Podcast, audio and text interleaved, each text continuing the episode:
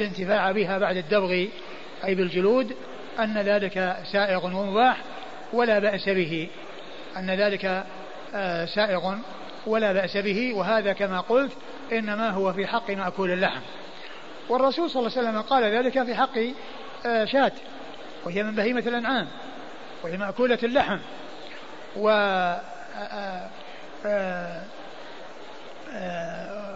أبيح الانتفاع بجلدها بعد الدبغ وفي هذا دليل على أن السنة تفسر القرآن وتوضحه وتشرحه وذلك أنه قد جاء في القرآن حرمت عليكم الميتة فيدخل في ذلك كل ما يتعلق بها. لكن جاءت السنة في بيان أن الجلد يمكن أن يستفاد يستفاد منه بعد الدبغ وأنه ينتفع به ولكن كما هو معلوم هذا فيما هو مأكول اللحم لأن ما لا يؤكل لحمه مذكاه وغير مذكاه كله حرام ولا يجوز أكله.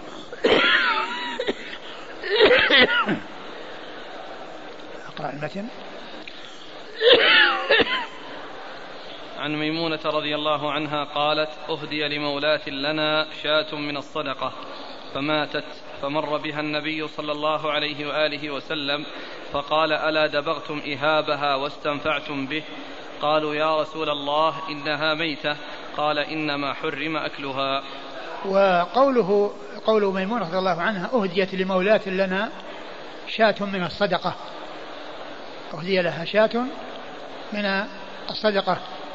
يعني يحتمل أن يكون يعني قوله أهدي لها أنها أعطيت لمن يستحقها ومن استحقها أهداها. ومعلوم أن من يستحق الصدقة إذا ملكها يتصرف فيها كيف يشاء له أن يهديها وله أن يبيعها وله أن يأكلها وله أن ينتفع بها. ويحتمل أن يكون المراد أنها يعني أنها أعطيت يعني شاة من الصدقة. أعطيت شاة من الصدقة يعني على أنها من مصارفها وأنها أهل يعني آه لصرف آه للصرف يعني لصرف تلك الصدقة. ومعلوم أن الرسول صلى الله عليه وسلم ويعني بني هاشم ذريته وزوجاته لا تحل لهم الصدقة بل تحرم عليهم الصدقة. لكن فيما يتعلق بمواليهم أي موالي آه، آه، آه، زوجات الرسول صلى الله عليه وسلم تحل لهن الصدقة. تحل لهن الصدقة يعني موالي زوجات الرسول صلى الله عليه وسلم. زوجات الرسول لا تحل لهن الصدقة لأنهن تابعات له صلى الله عليه وسلم وهن محبوسات عليه وهن زوجاته في الدنيا والآخرة فالصدقة لا تحل لهن. وقد جاء يعني بيان الآل بتفسيره بالأزواج والذرية فأزواج رسول الله صلى الله عليه وسلم هم من أهل بيته ولا تحل لهن الصدقة لكن مواليهن تحل لهن الصدقة. بخلاف بني هاشم فإن مواليهم حكمهم حكمهم لا تحل لهم الصدقة. قالوا والفرق بين موالي بني هاشم أن موالي بني هاشم فرع عن أصل وأما موالي زوجات الرسول صلى الله عليه وسلم فهن فرع عن فرع. فرع عن فرع. ولهذا تجوز لهن الصدقة وتحل لهن الصدقة. وأما موالي بني هاشم فإنها لا تحل لهم الصدقة.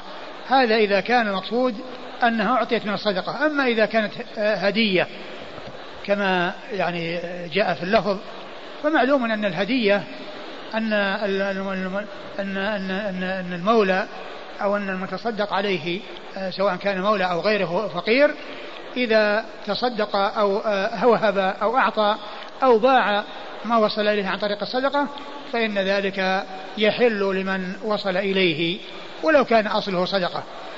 ولو كان أصله صدقة. وإنما الذي لا يجوز أن يصل إلى من لا تحل الصدقة أن يصل إليه وهو صدقة. أما أن يصل إليه على سبيل الهبة أو على سبيل البيع ممن حلت له الصدقة فإن ذلك لا يؤثر لأنها لم تصل وهي صدقة وإنما وصلت وهي هدية أو وصلت وهي آه، مبيعة. نعم. إيش بعده؟ قال قالت أهدي لمولاة لنا شاة من الصدقة فماتت فمر بها النبي صلى الله عليه وعلى آله وسلم. فقال ألا دبغتم إهابها واستنفعتم به؟ قالوا يا رسول الله إنها ميتة. قال إنما حرم أكلها.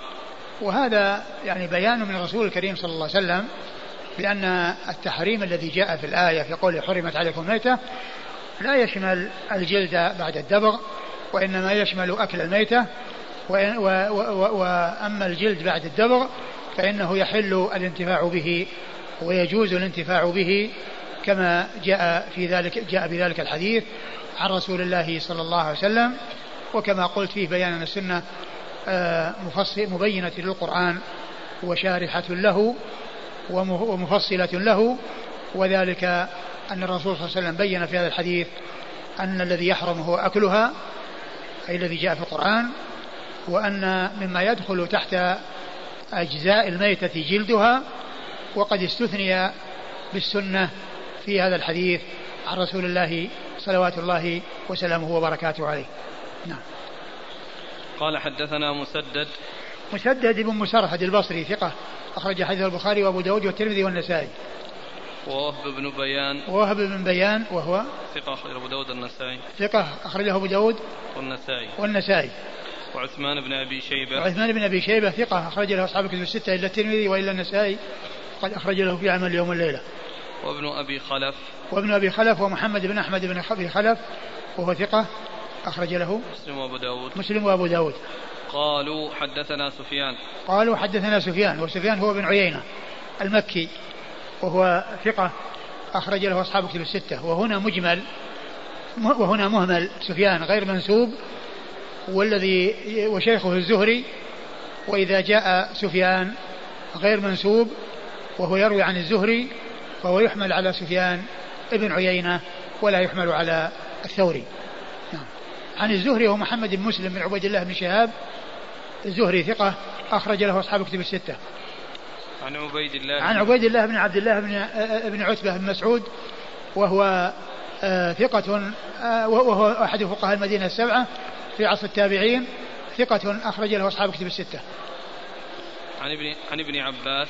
عن ابن عباس عبد الله بن عباس ابن عبد المطلب ابن عم النبي صلى الله عليه وسلم وأحد العباد الأربعة من الصحابة. واحد السبعة المعروفين بكثرة الحديث عن النبي صلى الله عليه وسلم. قال مسدد ووهب عن ميمونة. قال مسدد وابن وهب ووهب عن ميمونة. يعني عن ابن عباس عن ميمونة. يعني في زيادة ميمونة. يعني أن ابن عباس يروي عن خالته ميمونة. وميمونه هي أم المؤمنين بنت الحارث الهلالية. آه، أخرج حديثها أصحاب الكتب الستة وهي خالة ابن عباس. لأن ابن عباس أمه لبابة بنت الحارث أم الفضل الهلالية. نعم.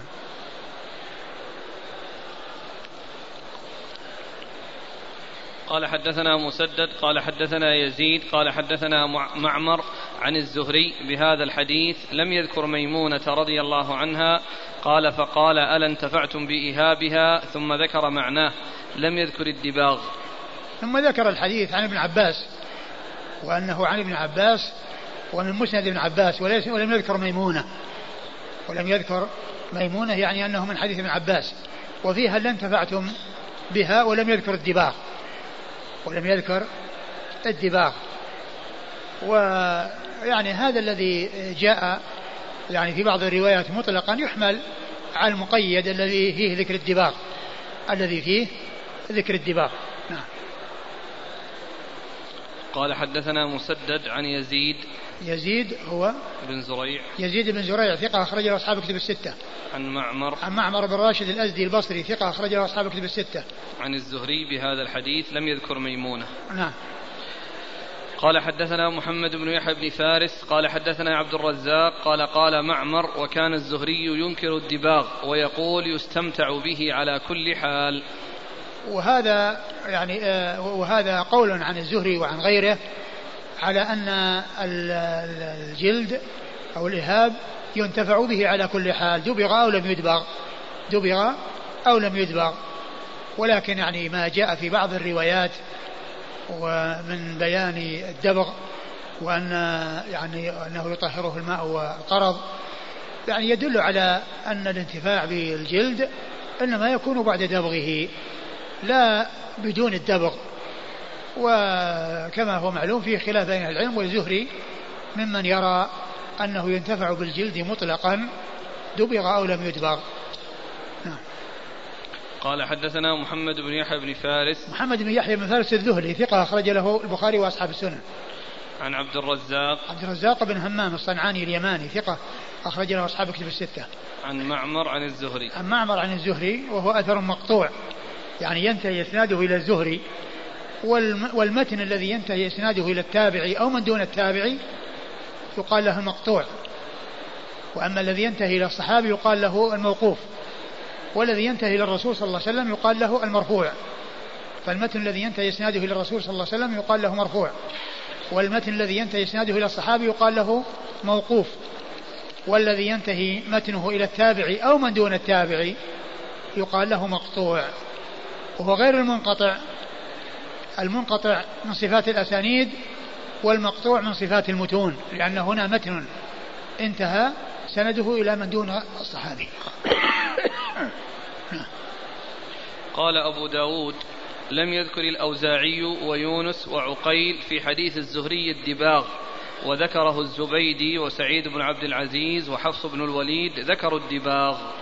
ثم ذكر أن الذين رووا عن الزهري منهم من ذكر الدباغ ومنهم من لم يذكر الدباغ. والزهري هو لا يعتبر الدباغ كما مر في, في الأثر الذي قبل هذا. فذكر بعض أصحاب الزهري الذين رووا عنه أنهم لم يذكروا الدباغ وذكر أيضا الذين ذكروا الدباغ. نعم. والمعتبر هو الدباغ. ومن حفظ حجة على من لم يحفظ. نعم. قال أبو داود لم يذكر الأوزاعي. الأوزاعي هو عبد الرحمن بن عمرو. الأوزاعي ثقة أخرجه أصحاب كتب الستة. ويونس. يونس بن يزيد آه ثقة أخرجه أصحاب كتب الستة. وعقيل. وعقيل بن خالد بن عقيل ثقة أخرج له أصحاب كتب الستة. في حديث الزهري الدباغ وذكره الزبيدي. وذكره الزبيدي وهو محمد بن الوليد وهو ثقة أخرج له أصحاب كتب الستة إلا الترمذي. وسعيد بن عبد العزيز. وسعيد بن عبد العزيز وهو ثقة أخرج له أخرج له البخاري في المفرد ومسلم وأصحاب السنن. وحفص بن الوليد. وحفص بن الوليد هو صدوق أخرج له النسائي. ذكروا الدباغ. ذكروا الدباغ أي أن هؤلاء ذكروا الدباغ في حديث الزهري. نعم.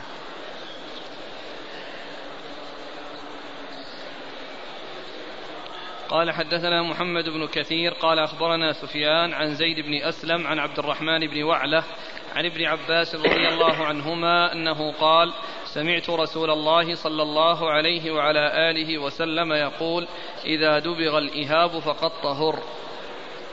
ثم رد أبو داود حديث ابن عباس من طريق أخرى إذا دبغ الإهاب فقد طهر. وهذا يفيد أن آه، تطهير الدباغ يعني آه، تطهير الجلد يكون بالدباغ وأن وأن وأن الإهاب يطهره الدباغ وهو يدل على ما دلت عليه الأحاديث السابقة التي فيها ذكر الدباغ يدل على ما دلت عليه الأحاديث السابقة التي فيها ذكر الدباغ واعتبار الدباغ وأنه يطهر جلد الميتة أي الدوخ نعم.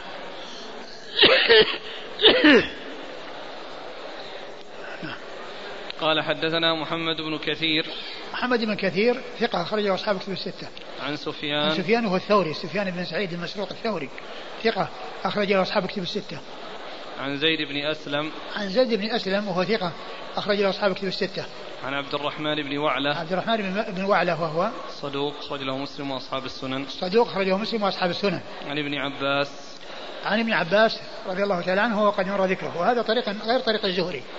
وفيه ذكر الدباغ هذا طريق ليس من ليس عن الزهري وفيه الدباغ والذي مر عن الزهري آه، آه، الرواة عنه منهم من ذكر الدباغ ومنهم من لم يذكره.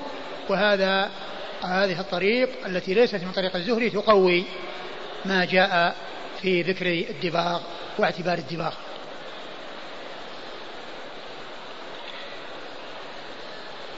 قال حدثنا عبد الله بن مسلمة عن مالك عن يزيد بن عبد الله بن قسيط عن محمد بن عبد الرحمن بن ثوبان عن أمه عن عائشة رضي الله عنها زوج النبي صلى الله عليه وآله وسلم أن رسول الله صلى الله عليه وعلى آله وسلم أمر أن يستمتع بجلود الميتة إذا دبغت. ثم ورد أبو داود حديث عائشة رضي الله عنها أن النبي صلى الله عليه وسلم أمر بأن يستمتع. يستمتع بجلود الميتة إذا دبغت. وهذا يدل على ما دل عليه ما تقدم من الانتفاع بجلود الميتات بعد دبغها. وأما الأمر يعني هنا فهو بمعنى الإذن. هو بمعنى الإذن. يعني فلهم أن يستعملوه ولهم أن لا يستعملوه. وإن يعني إذا استعملوه هو سائغ. إذا استعملوه هو سائغ. نعم. قال حدثنا عبد الله بن مسلمة عبد الله بن مسلمة القعنبي ثقة أخرج له أصحاب الكتب الستة إلا ابن ماجه. عن مالك عن مالك بن أنس إمام دار الهجرة ثقة فقيه أخرج له أصحاب الكتب الستة. عن يزيد بن عبد الله بن قسيط عن يزيد بن عبد الله بن قسيط وهو ثقة أخرج له أصحاب الكتب. أخرج له أصحاب الكتب الستة. عن محمد بن عبد الرحمن بن ثوبان محمد بن عبد الرحمن بن ثوبان وهو ثقة أخرج له أصحاب الكتب. ثقة أخرج له أصحاب الكتب الستة. عن أمه وهي مقبولة أخرج لها. وجدت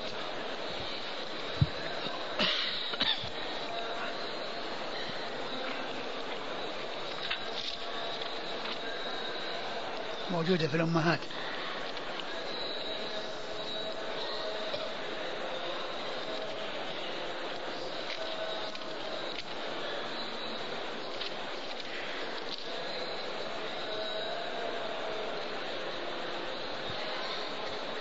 أخرج أبو داود والنسائي وابن ماجه. وهي مقولة أخرج أبو داود والنسائي وابن ماجه. عن عائشة. عن عائشة أم المؤمنين رضي الله عنها وأرضاها الصديقة بنت الصديق وهي واحدة من سبعة أشخاص عرفوا بكثرة الحديث عن النبي صلى الله عليه وسلم. والألباني ضعف هذا الحديث أو هذا الإسناد ولعله من أجل هذه المرأة المقبولة. لكن كما هو معلوم الحديث آآ آآ مثل الأحاديث السابقة. أكثر ما فيه ذكر الأمر والأمر يعني لا يدل يعني آآ لا يلزم أن يكون الوجوب ولا الاستحباب. نعم. قال حدثنا حفص بن عمر وموسى بن إسماعيل قال حدثنا همام عن قتادة عن الحسن عن جون بن قتادة عن سلم بن المحبق رضي الله عنه أن رسول الله صلى الله عليه وعلى آله وسلم في غزوة تبوك أتى على بيت فإذا قربة معلقة فسأل الماء فقالوا يا رسول الله إنها ميتة فقال دباغها طهورها. ثم ورد أبو داود حديث سلمة بن المحبق رضي الله عنه أن النبي صلى الله عليه وسلم في غزوة تبوك آه يعني رأى يعني قربة معلقة. فيها ماء فسأل الماء يعني طلب الشرب. فقيل إنها ميتة يعني أن أن هذا جلد ميتة. فقال دباغها. طهورها. دباغها طهورها يعني الدباغ يطهر. الدباغ مطهر للميتة ولجلد الميتة فهو مثل ما تقدم في الأحاديث السابقة في الدالة على ذكر الدباغ وأنه يطهر جلود الميتات. قال حدثنا حفص بن عمر. حفص بن عمر ثقة أخرجه البخاري وأبو داود والنسائي. وموسى بن إسماعيل. موسى بن إسماعيل التبوذكي ثقة أخرج له أصحاب الكتب الستة. عن همام. عن همام بن يحيى العوذي ثقة أخرج له أصحاب الكتب الستة. عن قتادة. عن قتادة بن دعامة السدوسي البصري ثقة أخرج له أصحاب الكتب الستة. عن الحسن. عن الحسن بن أبي الحسن وهو ثقة أخرجه أصحاب الكتب الستة. عن جون بن قتادة. عن جون بن قتادة وهو مقبول أخرجه أبو داود النسائي مقبول أخرجه أبو داود والنسائي. عن سلمة بن المحبق. عن سلمة المحبق رضي الله عنه وهو صحابي أخرج له أبو داود والنسائي بن ماجه. أبو, أبو داود والنسائي وابن ماجه. قال حدثنا أحمد بن صالح قال حدثنا ابن وهب قال أخبرني عمرو يعني بن الحارث عن كثير بن فرقد عن عبد الله بن مالك بن حذافة أن قال حدثه عن أمه العالية بنت سبيع أنها قالت كان لي غنم بأحد فوقع فيها الموت فدخلت على ميمونة رضي الله عنها زوج النبي صلى الله عليه وعلى آله وسلم فذكرت ذلك لها فقالت لي ميمونة لو أخذت جلودها فانتفعت بها فقالت أو يحل ذلك؟ قالت نعم مر على رس مر على رسول الله صلى الله عليه وآله وسلم رجال من قريش يجرون شاة لهم مثل الحمار. فقال لهم رسول الله صلى الله عليه وعلى آله وسلم لو أخذتم إهابها قالوا إنها ميتة. فقال رسول الله صلى الله عليه وعلى آله وسلم يطهرها الماء والقرض. ثم ورد أبو داود حديث ميمونة رضي الله تعالى عنها أن أن امرأة يعني جاءتها وهي العالية بنت سبيع وكانت لها غنم في أحد يعني آه، ترعاها في أحد فحصل يعني فيها الموت. فقال هل انتفعت بأهبها؟ فقالت آه، أو يحل ذلك؟ قال أنه آه، أن الرسول صلى الله عليه وسلم مر على أناس مر على رسول الله صلى الله عليه وسلم رجال من قريش. مر على رسول الله صلى الله عليه وسلم رجال من قريش يجرون شاة كما يجر الحمار. يعني إما أنهم يجرونها يعني معناه كجر الحمار يعني معناه ل لإبعادها وللتخلص منها. أو المقصود منها أنها ضخمة يعني كالحمار يعني في ضخامتها. فالرسول صلى الله عليه وسلم قال هلا انتفعتم بجلدها؟ قال هلا انتفعتم؟ قال لو أخذتم إهابها لو أخذتم إهابها قالوا قالوا إنها ميتة. فقال رسول الله صلى الله عليه وسلم يطهرها الماء والقرض. قالوا إنها ميتة. قال يطهرها الماء والقرض. يعني الدباغ. والقرض هو شجر يعني يدبغ به الجلود. وقوله الماء يعني والقرض يعني يدل على أن التطهير إنما يكون بالماء وأنه لا يكون بغيره. التطهير إنما يكون بالماء لا بغيره من المائعات وإنما يكون بالماء لأنه قال الماء والقرض. القرض الذي يكون به الدبغ وهو شجر والماء الذي آه، يحصل به التطهير. ويحتمل أن يكون القرض والماء يعني يجمع يجمعان ويعني يحصل الدبغ بهما أو أن المقصود أنه يدبغ بالقرض ثم بعد ذلك يغسل بالماء لتذهب الآثار التي آه، بقيت على الجلد يعني بسبب آه، آه، دبغه فيكون نظيفا صالحا للاستعمال. نعم.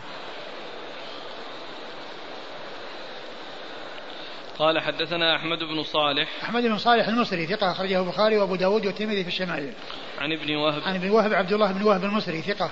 أخرج له أصحاب الكتب الستة عن عمرو بن الحارث يعني ابن الحارث عن عمرو بن الحارث المصري ثقة أخرج له أصحاب الكتب الستة عن كثير بن فرقد كثير بن فرقد وهو ثقة أخرج البخاري وأبو داود النسائي البخاري أخرجه البخاري وأبو داود والنسائي. عن عبد الله بن مالك بن حذافة. عبد الله بن مالك بن حذافة وهو مقبول أخرجه أبو داود والنسائي. وهو مقبول أخرجه أبو داود والنسائي. عن أمه العالية بنت سبيع. عن أمه العالية بنت سبيع وقد وثقها العجلي أخرج لها. أبو داود والنسائي. أبو داود والنسائي. عن ميمونة. عن ميمونة آه، أم المؤمنين وقد مر ذكرها.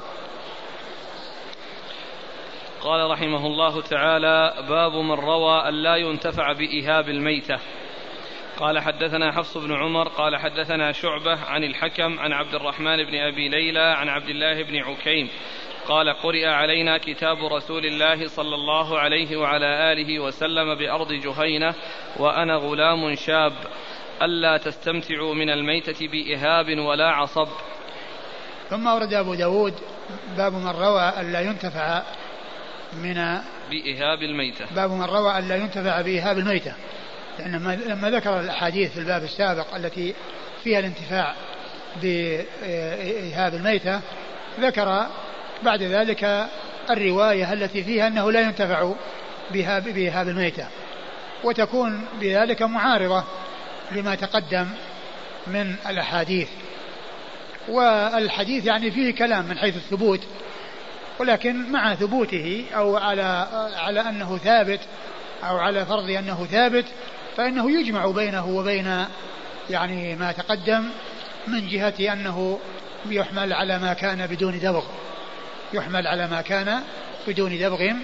وأن الأحاديث السابقة التي جاءت في طهارة جلود الميتة بالدبغ أنها تحمل على ما إذا حصل الدبغ. فإذا لا ينتفع يعني بجلود الميتة إذا كانت غير مدبوغة. وأما إذا دبغت فإنها ينتفع بها. فبعض أهل العلم وفق وجمع بين الأحاديث ومنهم من رجح الحديث السابقة عن ابن عباس وعن ميمونة وغيرهما وهي منها ما هو في الصحيحين ومنها ما هو في غيرهما. قد جاءت من طرق متعددة وهي تدل على ثبوت الانتفاع بأهب الميتات فتكون آه، آه، مقدمة على غيرها. ولكن آه، إذا ثبت الحديث أي الثاني الذي فيه ذكر عدم الانتفاع فإنه يجمع بينه وبين ما تقدم بأن يحمل على أن ما فيه إذا كان بغير دبغ وما كان في غيره من الأحاديث السابقة أنه بعد الدبغ قال حدثنا حفص بن عمر عن شعبة شعبة بن الحجاج الواسطي ثقة أخرجه أصحاب كتب الستة عن الحكم عن الحكم بن عتيبة الكندي ثقة أخرج له أصحاب كتب الستة. عن عبد الرحمن بن أبي ليلى. عبد الرحمن بن أبي ليلى هو ثقة أخرج له أصحاب كتب الستة. عن عبد الله بن عكيم. عن عبد الله بن عكيم وهو مخضرم أخرج له. مسلم وأصحاب السنة. أخرجه مسلم وأصحاب السنة. قال حدثنا محمد بن إسماعيل مولى بني هاشم قال حدثنا الثقفي عن خالد عن الحكم بن عتيبة أنه انطلق هو وناس معه إلى عبد الله بن عكيم رجل من جهينة قال الحكم فدخلوا وقعدت على الباب فخرجوا إلي فأخبروني أن عبد الله بن عكيم أخبرهم أن رسول الله صلى الله عليه وعلى آله وسلم كتب إلى جهينة قبل موته بشهر ألا تنتفعوا من الميتة بإهاب ولا عصب. قال أبو داود قال النضر بن شميل يسمى إهابا ما لم يدبغ فإذا دبغ لا يقال له إهاب إنما يسمى شنا وقربة. ثم ورد أبو داود آه، حديث عبد الله بن عكيم من طريق أخرى وهو مثل الذي قبله. وفيه يعني تفسير النضر بن شميل بأنه يقال له إهاب ما لم يدبغ وهذا يعني فيه إشارة إلى الجمع. لأنه يعني معناه أنه يعني لا ينتفع بإيهاب يعني معناه أنه غير مدبوغ لأنه إذا دبغ صار له اسم يعني هو شن أو قربة أو سقاء. يعني فيكون له اسم آخر. و ولكنه يعني كما هو معلوم من حيث الإطلاق هو يطلق الإهاب على الجلد مطلقا لكنه جاء أنه بعد الدبغ وبعد دبغه أنه له اسم آخر وهو أنه يقال له شن والشن هو قربة القديمة وقربة ويقال له سقاء. نعم.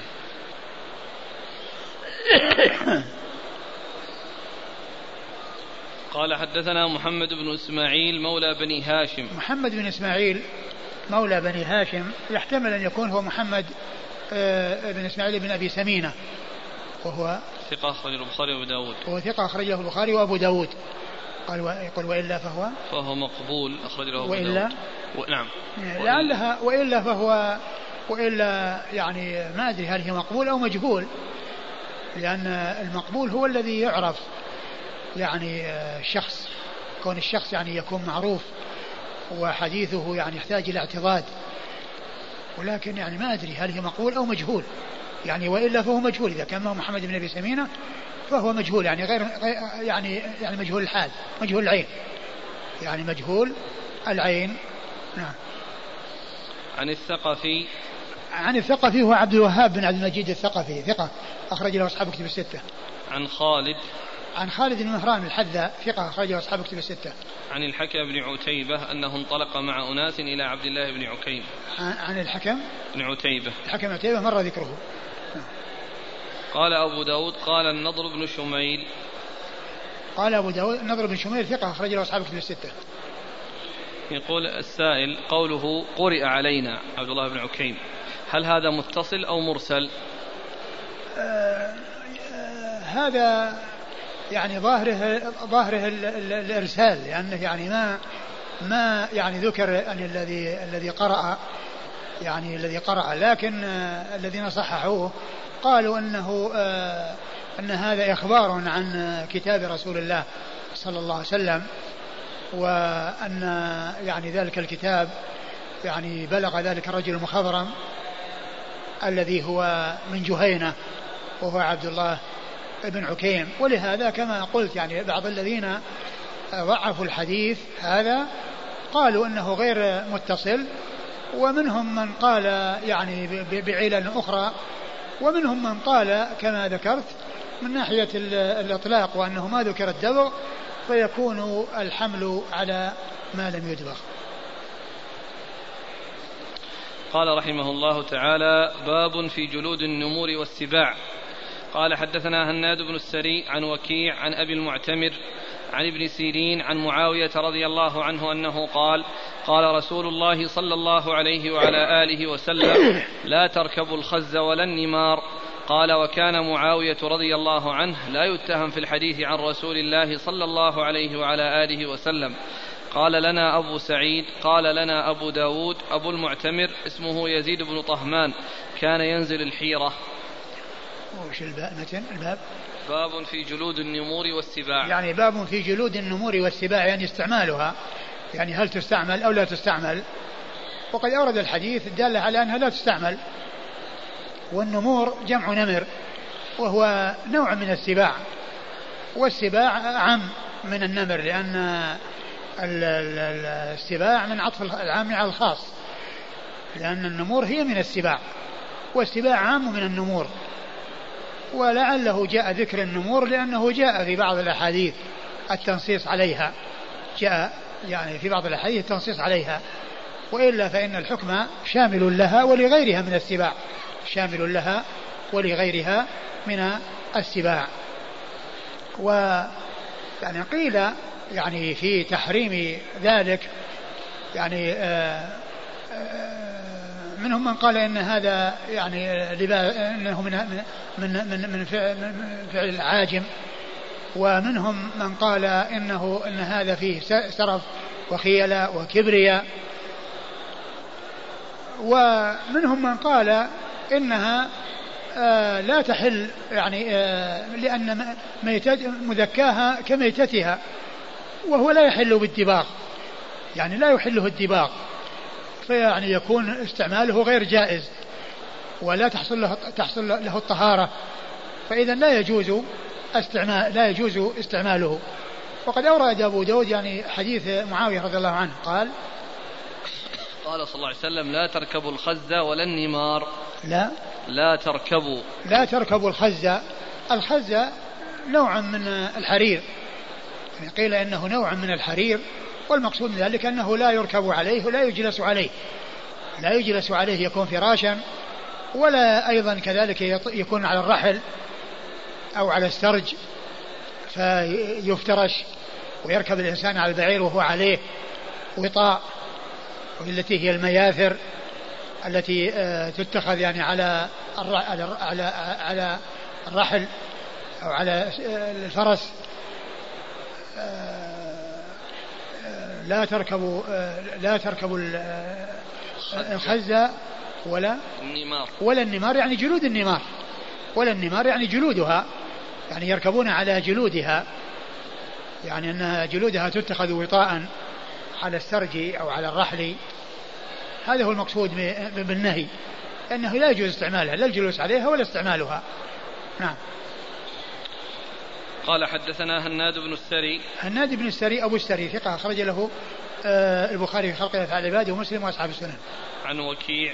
عن وكيع بن الجراح الرؤاسي الكوفي ثقة أخرج له أصحاب كتب الستة. عن أبي المعتمر. عن أبي المعتمر وهو يزيد بن طهمان. بن طهمان وهو ثقة. أخرجه أبو داود بن ماجه. أخرجه أبو داود بن ماجه. عن ابن سيرين. عن ابن سيرين محمد بن سيرين ثقة أخرجه أصحاب كتب الستة. عن معاوية. عن معاوية بن أبي سفيان أمير المؤمنين رضي الله عنه وأرضاه. وحديثه أخرجه أصحاب الكتب الستة. قال وكان معاوية لا يتهم في الحديث عن رسول الله صلى الله عليه وسلم. وقال وكان معاوية لا يتهم في الحديث عن رسول الله صلى الله عليه وسلم. مقصود من ذلك يعني آه تأكيد صدقه وليس معنى ذلك يعني رفع احتمال رفع احتمال اتهامه وإنما المقصود من ذلك تأكيد الصدق. لأنه كما هو معلوم أصحاب رسول الله صلى الله عليه وسلم لا يحتاجون إلى توثيق أحد. يكفيهم آه، ثناء الله عز وجل وثناء رسوله صلى الله عليه وسلم عليهم فهم لا يحتاجون إلى تعديل المعدلين وتوثيق الموثقين بعد أن حصل لهم الثناء من الله في كتابه ومن رسوله صلى الله عليه وسلم في آه، سنته. وهذا من جنس آه، ما جاء يعني في الحديث. حدثنا ابن مسعود وهو الصادق المصدوق وهو الصادق المصدوق يعني معناه أنه تأكيد يعني لصدقه ول آه، لا أن ذلك رفع لاحتمال أو لتوهم أو ما إلى ذلك. القائل القائل هو الراوي عنه. ابن سيرين. نعم. يقول هل في الحديث هل أراد بذلك ابن سيرين الرد على من يطعن في معاوية؟ محتمل أقول محتمل ومحتمل أن يكون المقصود لا, لا لم يرد به ردا ولا غيره وإنما أراد بذلك آه، آه، بيان يعني تأكيد الأمر ويعني تحققه وهو من جنس الذي ذكرت آه، في الحديث الصحيح وهو الصادق المصدوق. النهي لا تركبوا الخز ولا النمار. هل يشمل النساء مع الرجال؟ نعم. قال لنا أبو سعيد قال لنا أبو داود أبو المعتمر اسمه يزيد بن طهمان كان ينزل الحيرة. هذا توضيح هذا الذي ذكر بكنيته بين اسمه هو أنه يزيد بن طهمان. لكن من القائل هنا؟ قال لنا أبو سعيد قال لنا أبو داود. آه، أبو سعيد هو الراوي عن أبي داود أحد الرواة عن أبي داود.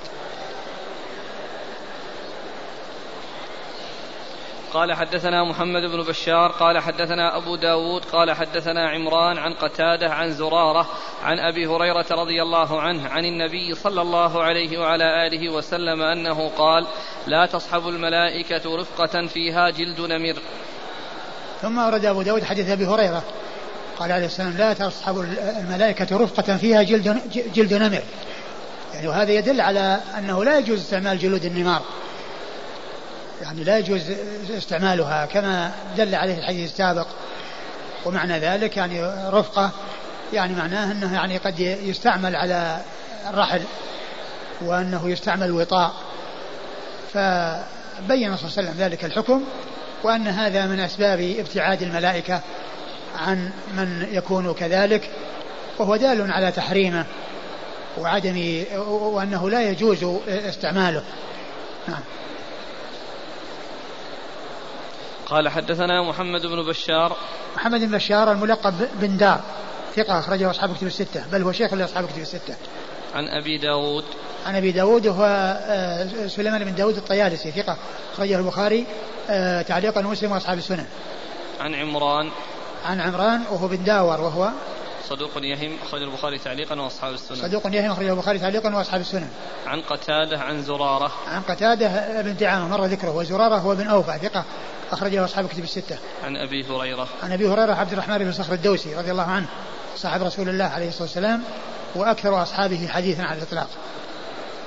قال حدثنا عمرو بن عثمان بن سعيد الحمصي قال حدثنا بقية عن بحير عن خالد قال وفد المقدام بن معد كرب رضي الله عنه وعمرو بن الأسود ورجل من بني أسد من أهل قنسرين إلى معاوية بن أبي سفيان رضي الله عنهما فقال معاوية للمقدام أعلمت أعلمت أن الحسن بن علي رضي الله عنهما توفي فرجع المقدام فقال له رجل أتراها مصيبة؟ قال له ولم لا أراها مصيبة؟ وقد وضعه رسول الله صلى الله عليه وعلى آله وسلم في حجره فقال هذا مني وحسين من علي. فقال الأسدي جمرة أطفأها الله عز وجل. فقال المقدام أما أنا فلا أبرح اليوم حتى أغيظك وأسمعك ما تكره. ثم قال يا معاوية إن أنا صدقت فصدقني وإن أنا كذبت فكذبني. قال أفعل. قال فأنشدك بالله. هل تعلم أن رسول الله صلى الله عليه وعلى آله وسلم نهى عن لبس الذهب؟ قال نعم. قال فأنشدك بالله هل تعلم أن رسول الله صلى الله عليه وآله وسلم نهى عن لبس الحرير؟ قال نعم. قال فأنشدك بالله هل تعلم أن رسول الله صلى الله عليه وعلى آله وسلم نهى عن لبس جلود السباع والركوب عليها؟ قال نعم. قال فوالله لقد رأيت هذا كله في بيتك يا معاوية. فقال معاوية قد علمت أني لن أنجو منك يا مقدام. قال خالد فأمر له معاوية بما لم يأمر لصاحبيه وفرض لابنه في المئتين ففرقها المقدام في أصحابه قال ولم يعطي الأسدي أحد أحدا شيئا مما أخذ فبلغ ذلك معاوية فقال أما المقدام فرجل كريم بسط يده وأما الأسدي فرجل حسن الإمساك لشيئه. ثم ورد أبو داود حديث المقدام آه، آه، آه، ابن معدي كرب رضي الله تعالى عنه. أنه جاء إلى معاوية يعني في زمن خلافته وفد عليه ومعه اثنان. هما؟ عمرو بن الأسود ورجل من بني أسد. عمرو عمرو بن الأسود ورجل من بني أسد. عمرو بن الأسود ورجل من بني أسد. آه، فقال؟ فقال معاوية المقدام فقال معاوية المقدام أعلمت أن الحسن بن علي رضي الله عنه آه، قد توفي فرجع المقدام يعني قال إنا لله وإنا إليه راجعون. رجع يعني معناه أتى بالاسترجاع. وهو قول إنا لله وإنا إليه راجعون عند المصيبة. آه، الذين إذا أصابتهم مصيبة قالوا إنا لله وإنا إليه راجعون. هذا هو الترجيع الذي آه، جاء في الحديث. قال قال له رجل أتراها مصيبة؟ قال رجل أتراها مصيبة يعني أنك استرجعت. والاسترجاع إنما هو المصائب. أتراها مصيبة؟ قال وكيف لا, لا أراها؟ وقد وضعه النبي صلى الله عليه وسلم في حجره وقال أنت مني. هذا مني وحسين من علي. هذا مني وحسين من علي يعني أنه يعني شبيه بي وحسين شبيه بعلي. يعني أن الرسول صلى الله عليه وسلم قال فيه أن هذا مني وحسين من علي أي أنه شبيه بي وحسين شبيه بعلي. يعني هذا شبيه برسول الله صلى الله عليه وسلم الذي هو الحسن وذاك أي الذي هو الحسين شبيه بأبيه علي رضي الله تعالى عنهما. نعم. فقال الأسدي جمرة أطفأها الله. قال الأسدي جمرة أطفأها الله يعني معناه يقصد آه، موت الحسن. أنها جمرة أطفأها الله وهذا كلام سيء يعني في حق آه، الحسن رضي الله تعالى عنه وأرضاه. بل هي مصيبة كبيرة وعظيمة. وهذا الذي قاله ذلك الأسدي يعني كلام قبيح كلام سيء. نعم. فقال المقدام أما أنا فلا أبرح اليوم حتى أغيظك وأسمعك ما تكره. يعني بعدما حصل في هذا المجلس ما حصل قال أنا لا أبرح حتى أغيظك وأسمعك ما تكره يخاطب معاوية رضي الله عنه. ثم سأله قال أنشدك بالله أن تعلم أن النبي حرم الذهب؟ قال نعم.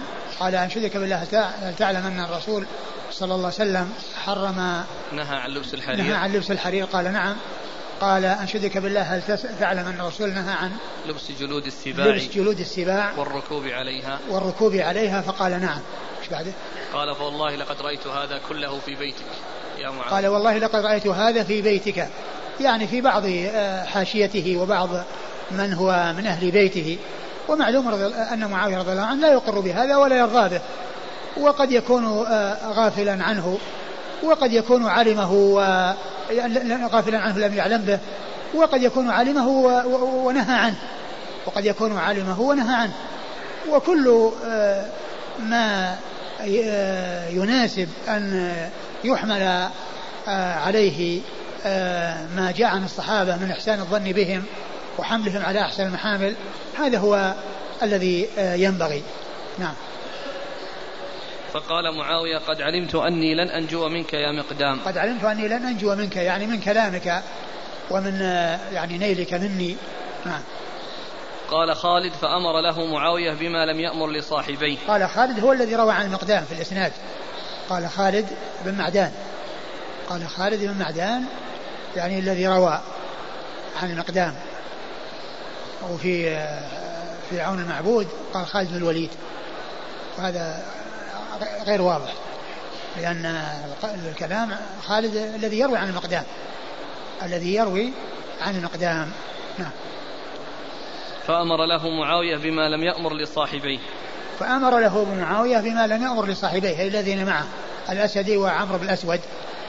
نعم. وأمر لابنه. وفرض لابنه في المئتين. وفرض لابنه أي ابن المقدام في المئتين. أو في المئين يعني من الذي الذي هو العطاء الكثير الذي هو في المئين أو مئتين يعني مقدارا يعني آه، يتجاوز المئة. نعم.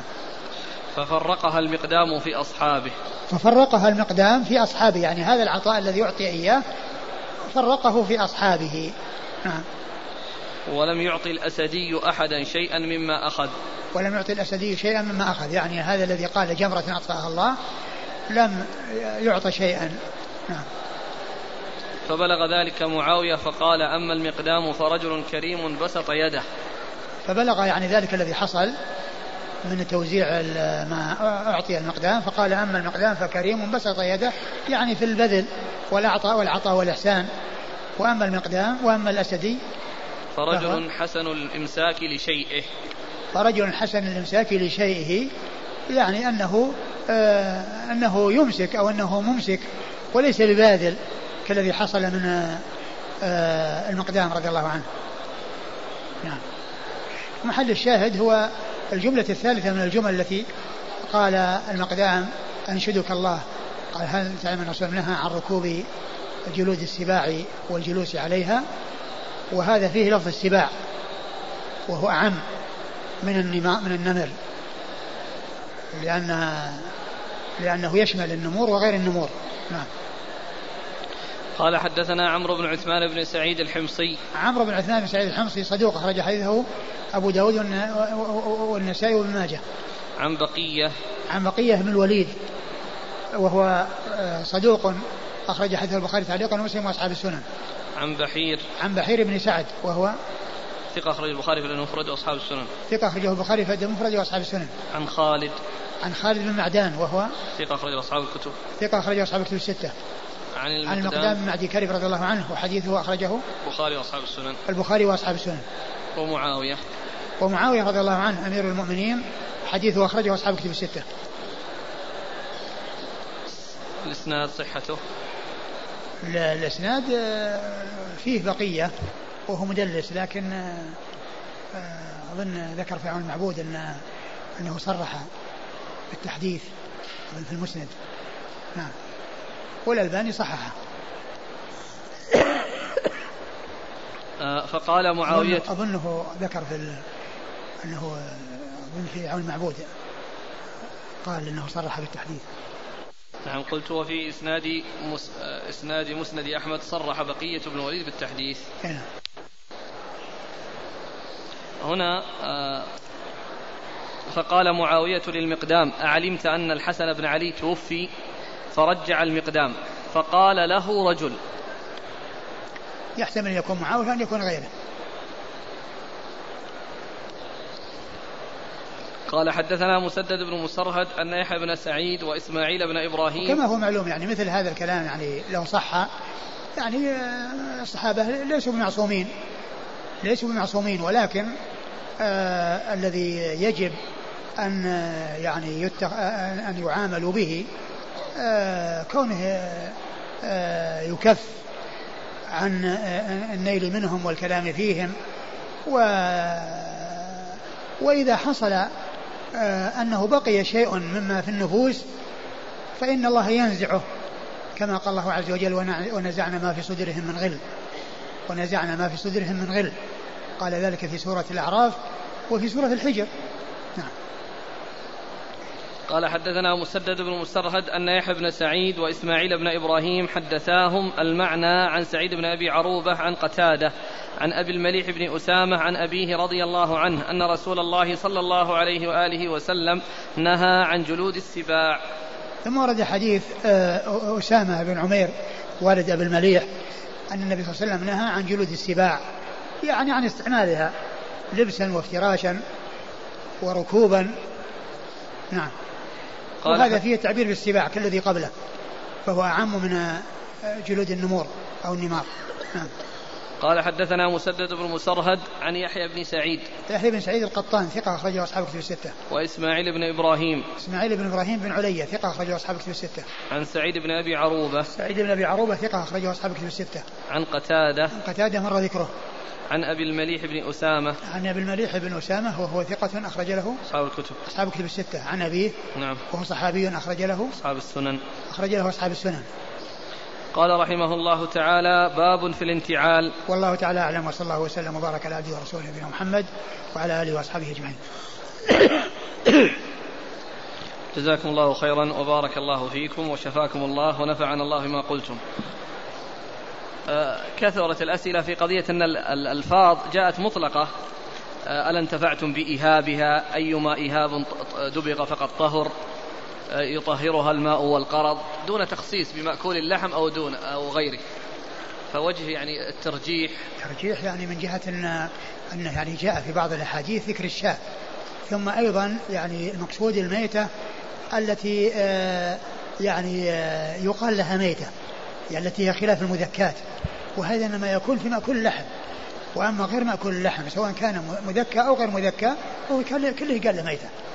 كله يقال له ميتة لأن الزكاة لا تحله فمذكاه كميتته. وإنما ذكر يعني والله أعلم أن الميتة التي آه، كان آه، آه، الانتفاع بها إذا كانت مذكات يعني أمرا معلوما ومسلما ولا إشكال فيه وإنما العموم الذي جاء في قوله حرمت عليكم الميتة. الميتة يعني مما هو مأكول اللحم. أما الذي لا يؤكل لحمه فهو محرم آه، حيا آه، آه، مذكى أو غير مذكى الذي لا يؤكل لحمه هو محرم يعني سواء كان مذكى أو غير مذكى لا يدخل تحت قوله حرمت عليكم الميتة وإنما المقصود الميتة التي هي مباحة الأكل. حرمت من أجل الموت. وأما ذاك محرم سواء ذبح أو لم يذبح. مات حتف نفسه أو مات بذبحه لأن ذبحه آآ آآ هو ميتة. لا يجعله مذكى.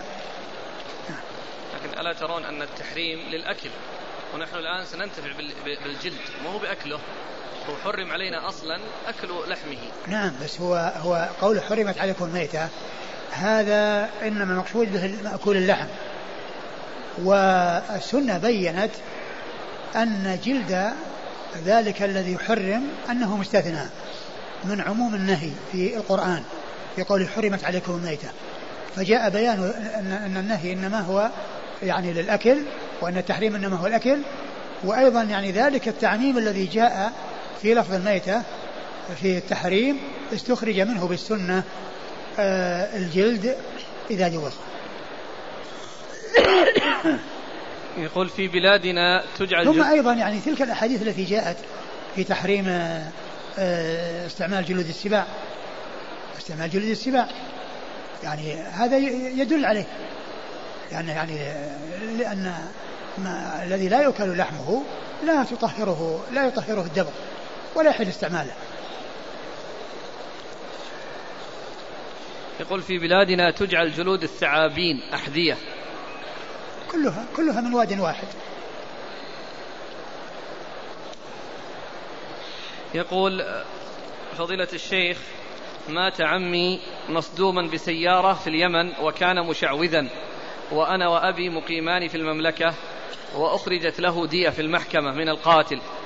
واتصلت بأهلي فأرادوا مني أن أخبر أبي بأن يوكل من يقوم باستلام نصيبه من الدية لأنه أحد الورثة. فهل لي أن أخبر أبي بذلك؟ وهل له الحق بأن يأخذ نصيبه من الدية؟ حيث أننا لا ندري بماذا ختم لعم الميت الذي كان يعمل بالشعوذة. الشعوذة هذه يعني تحديدها وتفسيرها وبيان تحديد المقصود منها وهل يعني ذلك صحيح أو غير صحيح. آه، طبعا هذا غير محدد وغير معروف. والذي يظهر أن الإنسان له أن يأخذ هذا الميراث وإن تنزه عنه ف... فهو خير إن شاء الله. قوله صلى الله عليه وسلم اللحد لنا والشق لغيرنا. ما هو حكم الشق؟ الشق جائز ولكن اللحد أفضل منه. اللحد الشق هو جائز ولكن اللحد أفضل منه. واللحد هو الذي يحفر في جانب القبر من جهة القبلة. يعني بحيث يعني يميل عن سمت القبر بحيث يعني يدخل الميت فيه ثم يوضع عليه اللبن فيكون فيكون الميت يعني فوقه الشيء الذي لم يحفر. وأما المسامة للحفر فهذا ما فيه ميت. الميت داخل في اللحد الذي حفر وأدخل فيه الميت. ولهذا قال لحد لأنه ميل. وأما الشق فهو يشق في وسط الحفرة التي آه، حفرت ويوضع الميت فيها ويوضع اللبن فوقه.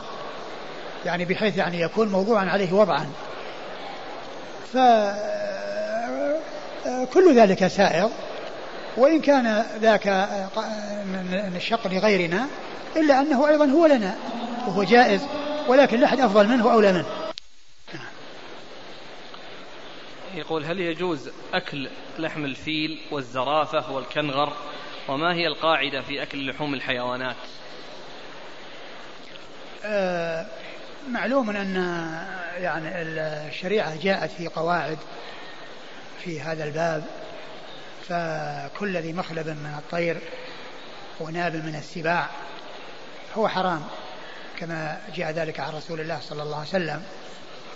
وكذلك أيضا يعني فيما يتعلق بالاستخباث والمستخبث و آه، وأما التفاصيل يعني فيما يتعلق بأنواع الحيوانات فهذا يرجع فيه إلى النصوص ولكن الأصل هو الحل الأصل هو الحل حتى يأتي يعني شيء يدل على التحريم الأصل الحل حتى يأتي شيء يدل على التحريم إما من كونه آه يعني آه آه، يفترس أو من جهة يعني خبثه وأكله يعني الأشياء الخبيثة وما إلى ذلك. ومثل بثلاثة الفيل والزرافة والكنغر. والكيش؟ كنغر آه، ما أدري إيش الكنغر هذا ما أنا ما أعرف إيش معناه ولا المقصود به. وما أدري يعني ما أتذكر يعني فيما يتعلق بالنسبة للفيل والزرافة كذلك ما أذكر يعني وش يعني يعني عنها شيئا. يقول وجدت بعض الناس في الحرم وداخل المسجد يسألون الناس بإلحاف. يتو... يعني يشحتون من الناس. سؤال؟ ها؟ إيه؟ سؤال مال؟ إيه؟ آه. يقول وسمعت أنهم يسألون لزيادة المال أو يتكثروا بهذا المال. السؤال آه، هل هذا العمل حرام أم مكروه؟ وهل لي أن أستدعي لهم الشرطة ليأخذوهم؟ آه، الناس آه، منهم المحتاج ومنهم الكاذب المتزيد. ولا شك أن من يسأل الناس تزيدا وتكثرا أن هذا مذموم. ومن سأل الناس وهو محتاج فهو معذور. ولكن الالحاف في الأسئلة والشدة في الأسئلة ما هو طيب. كل إنسان يتعرض ويسأل. يعني إذا كان محتاجا ولم يجد يعني ما يغنيه. ويعني يكفيه وهو مضطر إلى ذلك له هذا. وأما لكونك أن تستدعي الشرطه ولا تستدعي الشرطه لا تستدعي الشرطه يقول هل يحل عظم الميتة مثل الجلد كذلك؟ لا أدري. هذا يقول نود أن تعبروا لنا هذه الرؤية. أنا ما أعرف تعبير الرؤية. يقول فضيلة الشيخ زنت امرأة فحملت ثم ولدت واليوم أصبح هذا الولد عالم بالدين هل يصح أن نصلي وراءه؟ وهل يصح أن نقول له ابن زنا؟ آه التعيير آه، لا يصلح الإنسان أن يعير غيره ولا أن يصفه يعني بتلك الأوصاف وإنما ال ال آه، ابن الزنا إذا كان مستقيما يعني فذلك من فضل الله عز وجل عليه. وإن كان سيئا وخبيثا فهو كما جاء في الحديث شر الثلاثة. يعني إذا كان سيئا يعني آه، صفة أبويه موجودة فيه أو صفة ال يعني ال الذي تخلق من مائهما موجودة فيه فيكون شرهما لأنه من من ماء خبيث وصار هو خبيثا. وأبواه من ماء طيب وهما خبيثان فهو شرهما. ويعني الذي تخلق من من مائهما هما طيبان يعني في الأصل لأنهما من نكاح وليس من شفاع. ولكنهما خبيثان يعني من حيث فعلهما الزنا. وإذا كان ولد الزنا يعني زان والعياذ بالله فهو شر الثلاثة لأنه من أصل خبيث ومن ماء خبيث وهو أيضا خبيث. وأما إذا كان مستقيما و فليس له ذنب. ولا يجوز تعيير المسلم ولا يجوز التنبيش عن الأشياء التي يعني آه، تسيء ويلحق بسببها ضرر. وما دام الإنسان يرى أن هذا الرجل أنها على خير وأنه هذا فليحرص على أن يكون مثله في الخير. فليحرص على أن يكون مثله في الخير. حكم الصلاة وراء اتخاذ الإمام الصلاة تصح إيش المانع؟ يصح. يصلى وراءه وأي مانع يمنع؟ ولا يفتش عن أصله وكيف كان وأنه كذا. نعم. ما صحة الأحاديث الآتية؟ قوله صلى الله عليه وسلم نصرت بالشباب. والله ما نعلم حديث في هذا. وقوله أجملوا في الطلب. ما أذكر. في حديث لكن ما أذكر. وقوله وطنوا أنفسكم. ما أعرف لا أدري. يقول لي أسهم بشركة صافولة آه، نشاطها يتضح بالمواد الغذائية والزيوت النباتية توزع في آخر العام أرباح بواقع 11 ريال سعودي للسهم الواحد. فما حكم ذلك؟ الشركات يعني كما هو معلوم إذا كانت آه، يعني عملها صحيح و يعني المهنة التي تقوم بها طيبة وليس فيها محذور ويعني إن حصل أرباح يعني استفاد منها الجميع وإن حصل ضرر تضرر منها الجميع لا بأس لا بأس بذلك. هذه من جملة الشركات يعني السائغة. إذا كانت سلمت من, من إذا سلمت تلك الشركة من أمور محذورة إما في تعاملها أو في المواد التي آه، آه، يحصل التعامل فيها وبيعها وشراؤها. هل طلاق الحامل يقع؟ نعم يقع. تطلق المرأة حامل ولا حائل؟ المرأة تطلق حاملا أو حائلا؟ لأنها إذا كانت حائلا معناه أنه ما في حمل. ولهذا يعني تعتد المرأة التي تحيض بثلاث حيضات حتى يتحقق يعني آه، براءة رحمها وأيضا يعني حق للزوج. وأما الحامل فهي تطلق لأنها عدتها وضع الحمل. ورد في الخبر أن الصحابة رضي الله عنهم بايعوا النبي صلى الله عليه وسلم أن لا يسألوا الناس شيئا. فهل لا يجوز أن أقول لأخ لي وأنا جالس ناولني كذا أو أعطني كذا أو هاتي هذا الشيء؟ الإنسان يعني عندما يحتاج إلى غيره لا بأس بذلك. ولكن ذاك يعني من من من من, من يعني ورعهم ومن حرصهم على يعني أن يستغنوا عن غيرهم. والإنسان إذا احتاج إلى غيره لا بأس بذلك. إذا كان للحديث طريقان أو أكثر وكان في إسناد الأول مجهول وفي الثاني مجهول فهل يرتقي إلى درجة الحسن لغيره؟ إذا كانت الجهالة يعني مثل مثل جهالة يعني حال يعني فهذا يمكن يقوي بعضها يمكن أن يتقوي أن يقوي بعضهما بعضا إذا كان من طريقين مختلفين. يقول ما صحة هذا الحديث وما معناه من تعزى بعزاء الجاهلية فاعضوه بهاني, بهاني أبيه ولا تكنوا. ما أتذكر يعني شيئا عن صحته لكنه يعني معناه أنه يعني يأتي بنعرات الجاهلية وأشياء يعني كان يتعزى بها بالجاهلية يعني بأن يعني النعرات التي تكون بين القبائل والانتصار لبعضهم البعض يعني بحق وبباطل. نعم. هل هل من صيغ الإباحة أمر؟ في قول أمر النبي صلى الله عليه نعم وسلم. نعم في الأمر يأتي للإباحة أقول يعني الأمر للإباحة يعني معناه أن الإنسان أن يأخذ به وللإنسان أن يأخذ لا يأخذ به. وهذا من جنس وإذا حللتم فاصطادوا. وإذا حللتم فاصطادوا.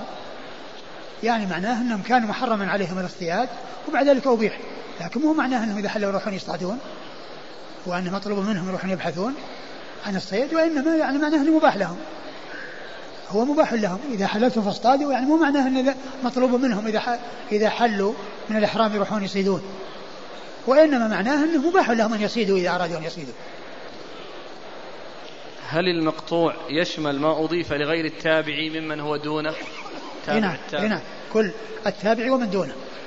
المتن الذي انتهى سنده إلى التابع أو من دون التابع يقال له مقطوع. ولهذا الأثر الذي جاء عن عن اللي عندنا عن عن عن, عن, الزهري. عن الزهري؟ إيه؟ لا الزهري تابعي ومن صغر التابعين. الزهري من صغر التابعين لكنه التابعي ومن دونه. يقول ناب رجل عن امرأة مسنة في رمي الجمرات في اليوم الثاني عشر وهي غادرت منى ضحى لكنها طافت طواف الوداع في اليوم الثالث عشر والنائب رمى الجمرات في اليوم الثاني عشر بعد الزوال لكن المرأة ما كانت ذاك الوقت في منى فهل العمل صحيح؟ العمل صحيح يصح يقول هل يجوز بيع جلد الميتة؟ آه وما دام إنه يعني يجوز الانتفاع به أقول يجوز الانتفاع به فيجوز يجوز بيعه. الجلد عندنا يدبغ باللبن هل يجوز هذا؟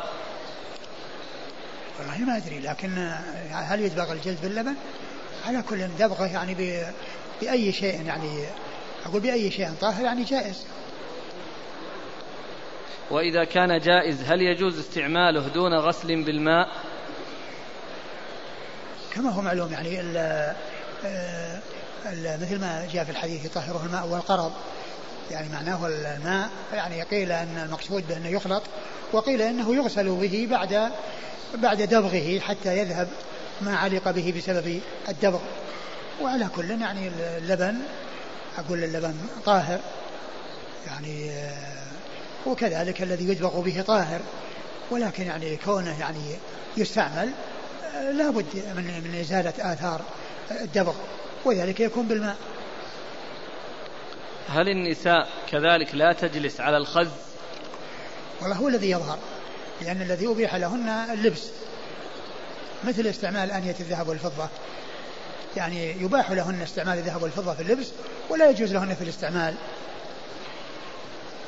ما حكم الجلوس والصلاة والنوم على المفارش التي يوجد عليها صور عامة؟ مثل النمور وغيرها. آه كونه يجلس عليها وتمتهن وتفترش هذا لا بأس به. هذا إذا ابتلي بها الإنسان لأنه لا يحرقها ولا يتلفها إذا ابتلي بها بأن ورثها أو يعني وصلت إليه وأما إذا كان عن طريق الشراء لا يشتري شيء فيه تلك المحاذير يشتري شيء سليم.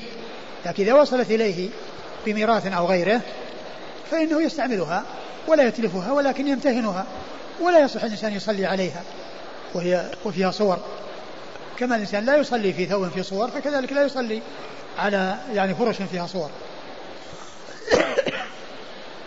جاء في الحديث ستكون بعد الخلافة ثلاثون عاما ثم يكون بعدها الملك. هكذا كتب السؤال هل الملك من شريعتنا؟ وهل هو جائز؟ هو جاء, جاء في الحديث حديث سفينة مولى رسول الله صلى الله عليه وسلم قال خلافة النبوة بعد ثلاثون سنة ثم يؤتي الله ملكه من يشاء. خلافة النبوة بعد ثلاثون سنة ثم يؤتي الله ملكه من يشاء أو يؤتي الملك من يشاء. و وأيضا يعني جاء في بعض الأحاديث أن هؤلاء الذين وصفوا بأنهم ملوك أيضا خلفاء. حيث جاء في الحديث عن وسلم في صحيح مسلم لا يزال أمر الناس ماضيا ما وليهم 12 خليفة. ما وليهم 12 خليفة. فإن ثمانية يعني من هؤلاء الاثنين عشر هم من الملوك. ومع ذلك وصفوا بأنهم خلفاء. والمعلوم أن أن الشريعة يعني حصول الولاية تكون باتفاق أهل الحل والعقد. وتكون بعهد الخليفة إلى خليفة بعده وتكون بالتغلب والقهر والغلبة ويحصل السمع والطاعة. الله تعالى أعلم وصلى الله وسلم وبارك على عبده ورسوله نبينا محمد وعلى آله وأصحابه أجمعين. بسم الله الرحمن الرحيم. الحمد لله رب العالمين والصلاة والسلام على عبد الله ورسوله نبينا محمد وعلى آله وصحبه أجمعين. أما بعد قال الإمام أبو داود السجستاني يرحمه الله تعالى باب في الانتعال. قال حدثنا محمد بن الصباح البزاز. قال حدثنا ابن أبي الزناد عن موسى بن عقبة عن أبي الزبير عن جابر رضي الله عنه أنه قال كنا مع النبي صلى الله عليه وعلى آله وسلم في سفر فقال أكثروا من النعال فإن الرجل لا يزال راكبا من تعل. بسم الله الرحمن الرحيم. الحمد لله رب العالمين وصلى الله وسلم وبارك على عبده ورسوله نبينا محمد وعلى آله وأصحابه أجمعين. أما بعد فيقول الإمام أبو داود السجستاني رحمه الله تعالى باب في الانتعال أي لبس النعال.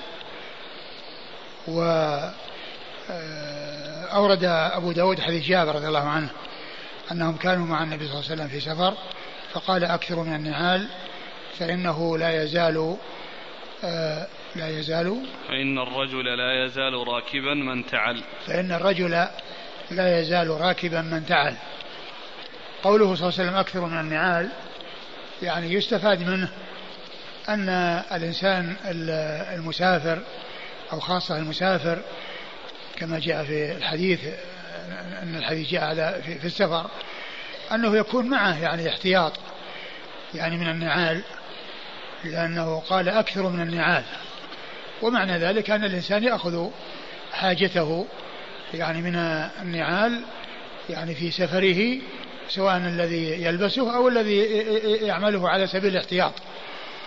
ومع وفي هذا الزمان مع سهولة الاتصالات وكثرة الاتصالات ووجود النعال في كل مكان يحل فيه الإنسان فيمكن أن الإنسان يحصل ذلك عن طريق الشراء إذا لم يحصل آه، حمل زيادة على ما كان يستعمله. وذلك لأنه إذا حصل أن آه، فسدت علاه أو خربت علاه فإنه يكون عنده شيء يقوم مقام ذلك. لأن الإنسان إذا آه، مشى بغير نعال فإنه يعرض رجليه للضرر. وذلك بأن يطع على شوك أو يطع على آه، زجاج أو يطع على حديد أو يطع على يعني شيء آه، يلحق به ضررا. و ثم قال عليه الصلاة والسلام فإنه لا يزال الرجل فإن الرجل لا يزال راكبا من تعال فإن الانتعال مثل الركوب. ومعلوم الإنسان الراكب آه، يسلم من الضرر. الذي تسلم رجلاه من الضرر الذي يكون في الأرض لأنه راكب ورجلاه لا تمس الأرض. فكذلك إذا كان منتعلا فإنه بمثابة الراكب لأن هناك شيء يحول بينه وبين الأرض وهو النعال. يحول بينه وبين الأرض وهو النعال فيسلم مما فيها من ضرر. ففي هذا الإشارة إلى الأخذ بالأسباب وأن فعل الأسباب مأمور به ومطلوب والأخذ بالأسباب لا ينافي التوكل كما هو معلوم. ومعلوم أن اتخاذ النعال من أجل الوقاية مما يحصل في الأرض من ضرر إما من شوك أو من زجاج أو من حر رمضاء إذا كان في شدة الصيف أو غير ذلك من الأمور التي قد تحصل يحصل الإنسان ضرر آه، بسببها فيكون آه، في ذلك وقاية لرجليه. والتقوى في اللغة يقول فيها العلماء أن يجعل الإنسان بينه وبين الشيء الذي يخافه وقاية تقيه منه. وذلك مثل استعمال النعال للوقاية من الأشياء المخوفة التي تكون على الأرض. فيتخذ النعال لتقيه لتقيه ذلك ولتحول بينه وبين ذلك الشيء الذي يخافه.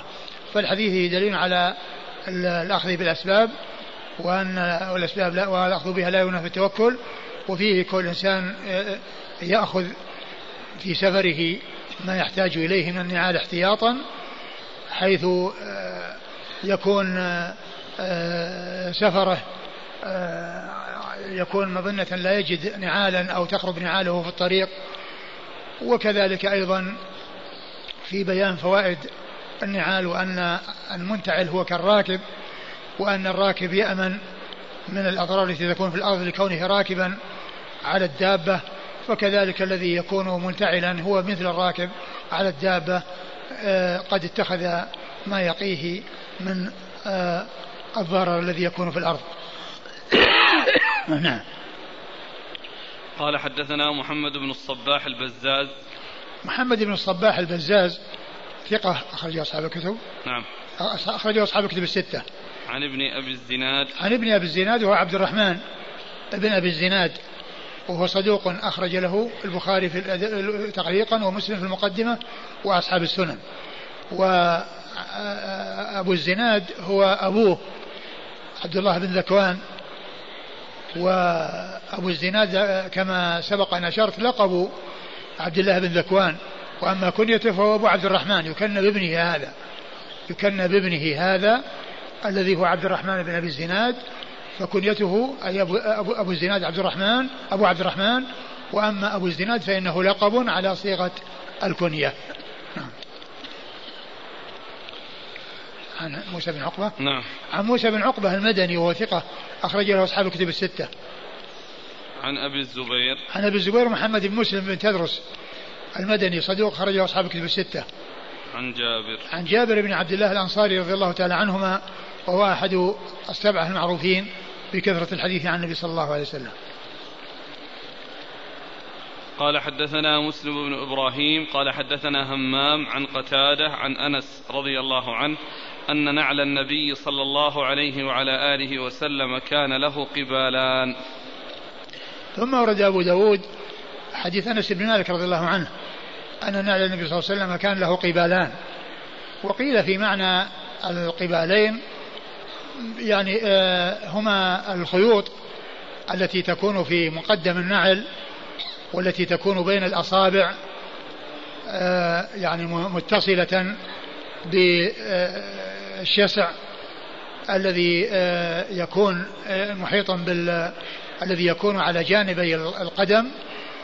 فإن يعني يكون هناك شيء يربط بين مقدم النعل وبين الشسع الذي يكون على ظهر القدم.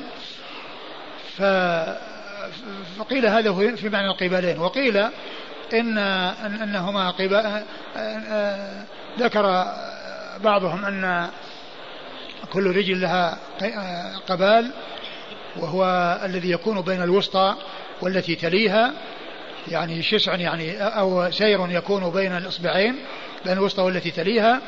وقيل إنهما قبالان لكل رجل يكون بين الإبهام وبين الوسط وبين التي تليها آه، سير وبين الوسطى والتي تليها سير آخر.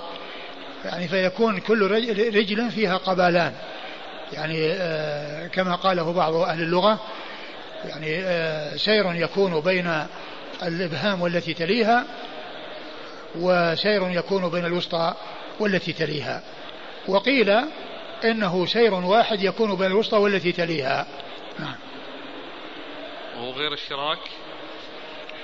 نعم. هو غير الشراك. الشراك يعني آه، الشسع الشسع يعني الشسع يعني هو الذي يعني يكون معترض نعم. قال حدثنا مسلم بن إبراهيم. مسلم بن إبراهيم الفراهيدي ثقة أخرجه أصحاب كتب الستة. عن همام. همام بن يحيى العوذي ثقة أخرجه أصحاب كتب الستة. عن قتادة. عن قتادة بن دعامة السدوسي البصري ثقة أخرجه أصحاب كتب الستة. عن أنس. عن أنس بن مالك رضي الله عنه خادم رسول الله صلى الله عليه وسلم وأحد السبعة المعروفين. بكثرة الحديث عن النبي صلى الله عليه وسلم وهذا الإسناد من من أعلى الأسانيد عند أبي داود وهي الرباعيات. قال حدثنا محمد بن عبد الرحيم أبو يحيى قال أخبرنا أبو أحمد الزبيري قال حدثنا إبراهيم بن طهمان عن أبي الزبير عن جابر رضي الله عنه أنه قال نهى رسول الله صلى الله عليه وعلى آله وسلم أن ينتعل الرجل قائما. ثم ورد أبو داود حديث جابر حديث جابر بن عبد الله رضي الله تعالى عنهما أن النبي صلى الله عليه وسلم نهى أن ينتعل الرجل قائما. نهى أن ينتعل الرجل قائما. والمقصود من ذلك كما هو واضح من لفظ الحديث أن الإنسان ينتعل وهو جالس وذلك لأنه يكون أسهل وأرفق به. و و قال و والحديث يعني فيه النهي عن عن, عن الانتعال قائما. وقيل ان إن سبب ذلك أنه آه، آه، قد يؤدي إلى سقوطه إذا كان يعني يعني إذا أراد أن يعني يعني يشد عليه وهو قائم ولعله يعني يكون يعني في شيء يشدها من الخلف وأنه يحتاج إلى معالجتها بيده لأنه بذلك قد يؤدي إلى سقوطه. ولكنه إذا كان جالسا يكون أريح. لكن إذا كان الأمر لا يحتاج إلى عنا وإلى مشقة وهو قائم كما هو موجود في كثير من النعال التي لا يحتاج إلى أن تشد وإنما يدخل الإنسان آه، قدميه فيها فإنه لا بأس بذلك. فإنه لا بأس بذلك. ويكون ذلك محمولا على ما إذا كان يعني يترتب عليه مضرة أو يخشى أن يترتب عليه مضرة. أما إذا كان ما يخشى فإنه لا بأس فإنه لا بأس بذلك. قال حدثنا محمد بن عبد الرحيم أبو يحيى. محمد بن عبد الرحيم أبو يحيى هو الملقب صاعقة. وهو ثقة أخرج حديث البخاري وأبو داود والترمذي والنسائي. عن أبي أحمد الزبيري. وهو محمد بن عبد الله وهو ثقة أخرج له أصحاب كتب الستة. عن إبراهيم بن طهمان. إبراهيم بن طهمان ثقة أخرج له أصحاب كتب الستة. عن أبي الزبير عن جابر. عن أبي الزبير وهو قد مر ذكره عن جابر وقد مر ذكره من خرجه في الحاشية. لم يذكر. والحديث يعني فيه عنعنة بالزبير في نسخة أخرى أخرجه الجماعة إلا مسلما. في نسخة محمد عوامة أخرجه الجماعة إلا مسلم. نفس الحديث؟ يعني في البخاري؟ يعني إنه في البخاري؟ ها؟ ما أدري يعني أقول ما أدري عن هل هو موجود في البخاري لكن إذا كان ليس في الصحيحين فالعنعنة يعني عنعنة المدلسين في غير الصحيحين إذا لم يوجد آه، ما يدل على الاتصال يعني آه، تكون مؤثرة. بخلاف ما إذا كانت في الصحيحين فإن وجود العنعنة في الصحيحين أو رواية المعنعنة في الصحيحين يدل على اعتبارها لأن آه، صاحب الصحيح اشترط الصحة فيما يذكره وفيما يأتي به. فإذا كان خارج الصحيحين لا يسلم لا يسلم من المقال. نعم. الحديث اللي قبله هو اللي أخرجه. أي هذا هذا من خرجه. هذا ما ذكر ما ذكر أحد رواه غير غير أبي داود في الحاشية؟ لا ما ذكر. وذاك اللي اللي مر اللي قبله.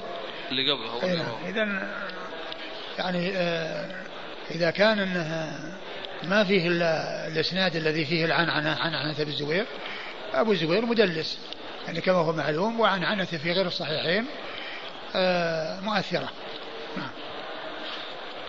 قال حدثنا وإذا صح فهو محمول على ما ذكرت.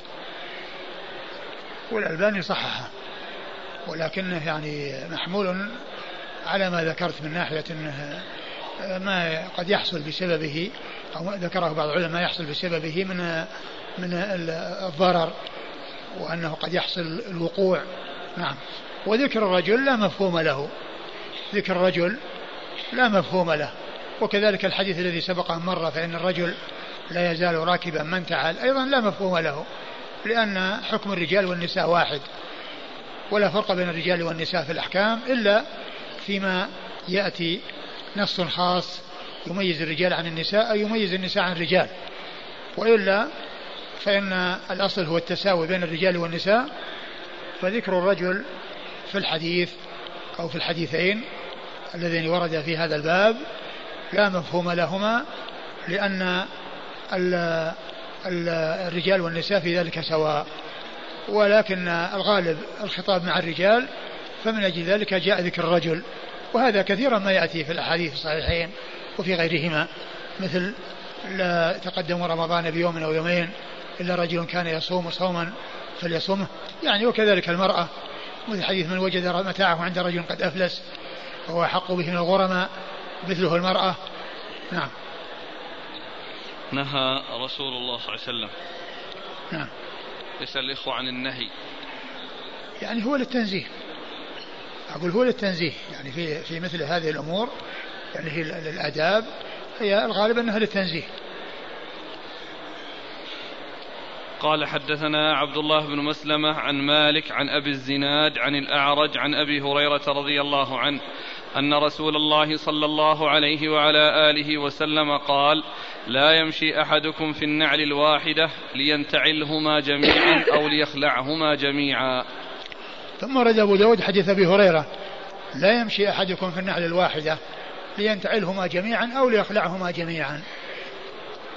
هذا يدل على أن من آداب الانتعال أن الإنسان آه، آه، عليه أن ينتعل في رجليه جميعا. فهو إما أن يحفيهما جميعا أو أو ينتعل فيهما جميعا. يلبس النعل فيهما جميعا أو يحفيهما جميعا. أما أن يمشي بنعل برجل آه، انتعلت ورجل حافية فهذا هو الذي جاء الحديث فيه عن رسول الله صلى الله عليه وسلم في النهي عنه. وذلك أنه يترتب على ذلك محاذير منها أن توازن الإنسان ما يحصل إذا كان آه، آه، لابس النعل ورجلا حافية. وقد يكون مشيته كمشية الأعرج. يعني تكون رجل يعني عالية ورجل منخفضة. ثم أيضا آه، يكون في مشيته غير معتدل. وأيضا أيضا يعني تكون رجله اليسرى اليمنى أو اليسرى التي هي غير منتعلة.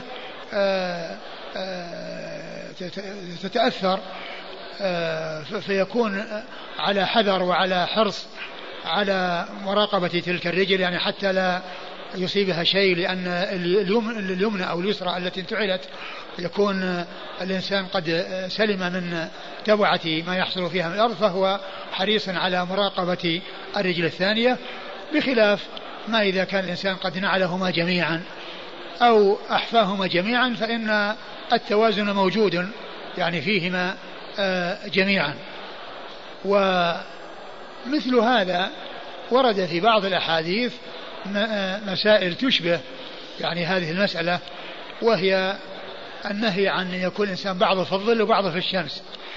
يكون بعضه في الظل وبعضه في الشمس لأن ذلك فيه تأثير على الجسد يعني يكون غير آه ليس على حد سواء. بعضه قد يصيبه برودة وبعضه يصيبه حرارة.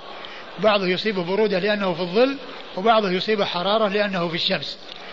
فهو إما أن يكون في الشمس يعني آه، كله أو يكون في الظل كله أما أن يكون ينام أو يضطجع بعضه في الشمس وبعضه في الظل ففيه ذلك المحذور الذي هو مثل آه، محذور لبس إحدى النعلين ونعل أحد الرجلين وإحفاء أحدهما. ومثل ذلك أيضا القزع الذي يكون لحلق بعض الرأس وترك بعض الرأس. فإن هذا أيضا لا يجوز. ولهذا جاء في الحديث آه، آه، احلقوه كله أو دعوه كله. في قصة يعني أحد أبناء جعفر قال احلقوه كله أو دعوه كله. يعني لما حلقوا بعض رأسه قال احلقوه كله أو دعوه كله. يعني معناه أن الرأس يعامل مع معاملة واحدة إما أن يحلق كله أو يبقى كله ولا يحلق بعضه ويقصر بعضه فهات المسألتان من جنس هذه المسألة التي هي مسألة آآ آآ الانتعال في أحد الرجلين دون الأخرى. نعم. قال حدثنا عبد الله بن مسلمة. عبد الله بن مسلمة القعنبي ثقة أخرجه أصحاب كتب الستة إلا ابن ماجه.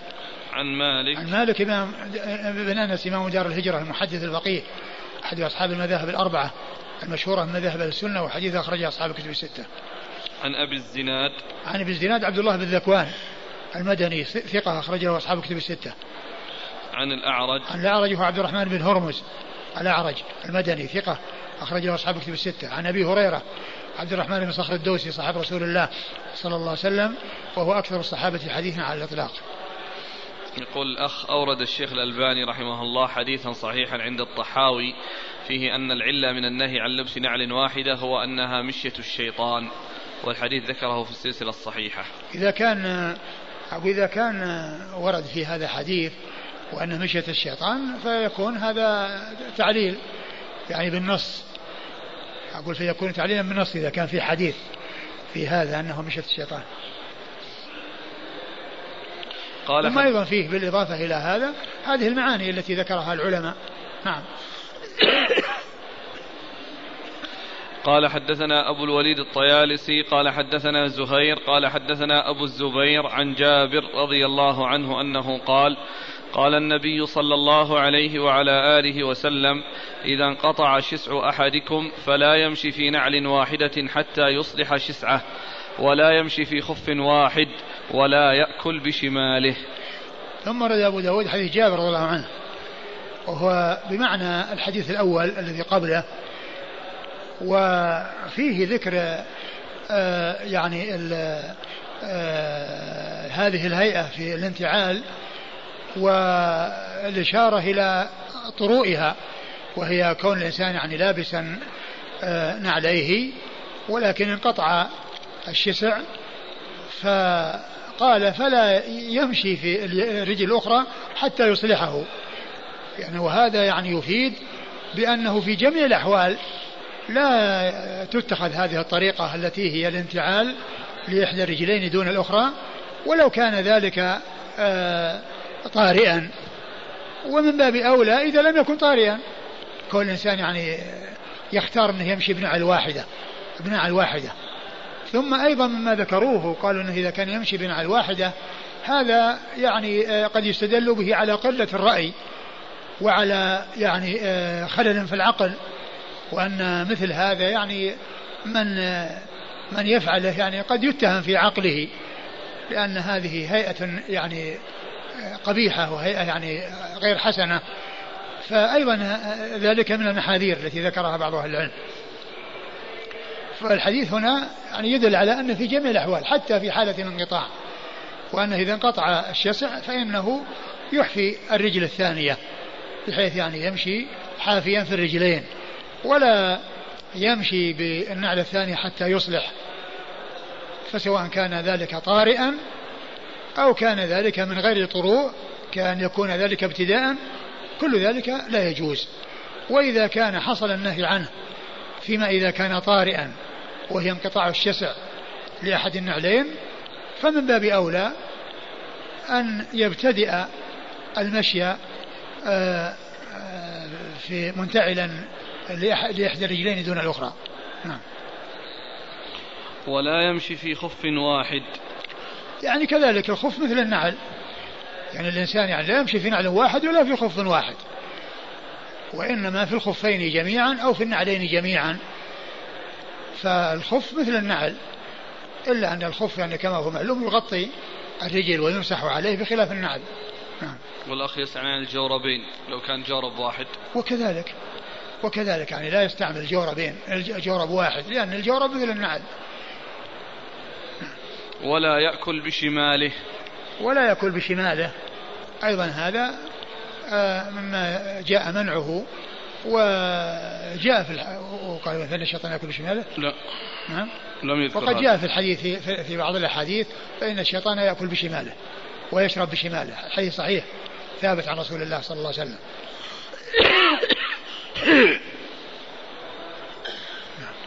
قال حدثنا أبو الوليد الطيالسي. أبو الوليد الطيالسي هشام بن عبد الملك الطيالسي ثقة أخرج له أصحاب الكتب الستة. عن زهير عن زهير بن معاوية ثقة أخرجه أصحاب الكتب الستة. عن أبي الزبير عن جابر. عن أبي الزبير عن جابر وقد مر ذكرهما وهذا من الرباعيات. من أعلى الأسانيد عند أبي داود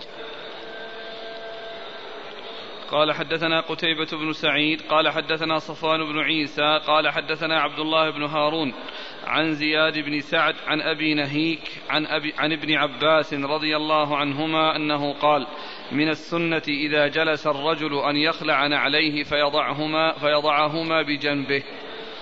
ثم ورد أبو داود حديث ابن عباس قال من السنة إذا خلع الإنسان نعليه أن يضعهما بجنبه أن يضعهما بجنبه يعني لا يضعهما أمامه ولا عن يمينه ولا وراءه وإنما يضعهما بجنبه آآ آه، آآ آه، في قال عن يساره هنا. نعم. بجنبه آه، قيل إنه لا توضع يعني في اليمين لأنها إكراما لها ولا في الأمام لأنها يعني كونه يعني يكون مستقبلا عليه ولا خلفه لئلا تذهب أو تسرق ولا يشعر بها. لكن الحديث فيه يعني إسناده ضعف وهو غير ثابت لأن في سند عبد الله بن هارون وهو مقبول. يعني فهو غير ثابت. نعم. قول ابن عباس من السنة. قوله من السنة آه معلوم أن قول الصحابي من السنة يقصد ذلك سنة الرسول صلى الله عليه وسلم لأن له حكم الرفع. فهو من جنس ما جاء عن ابن عباس لما قيل له ما بال المصلي إذا ما بال المسافر إذا صلى وحده صلى ركعتين وإذا صلى خلف من يتم أتم قال تلك السنة. أي تلك سنة رسول الله صلى الله عليه وسلم.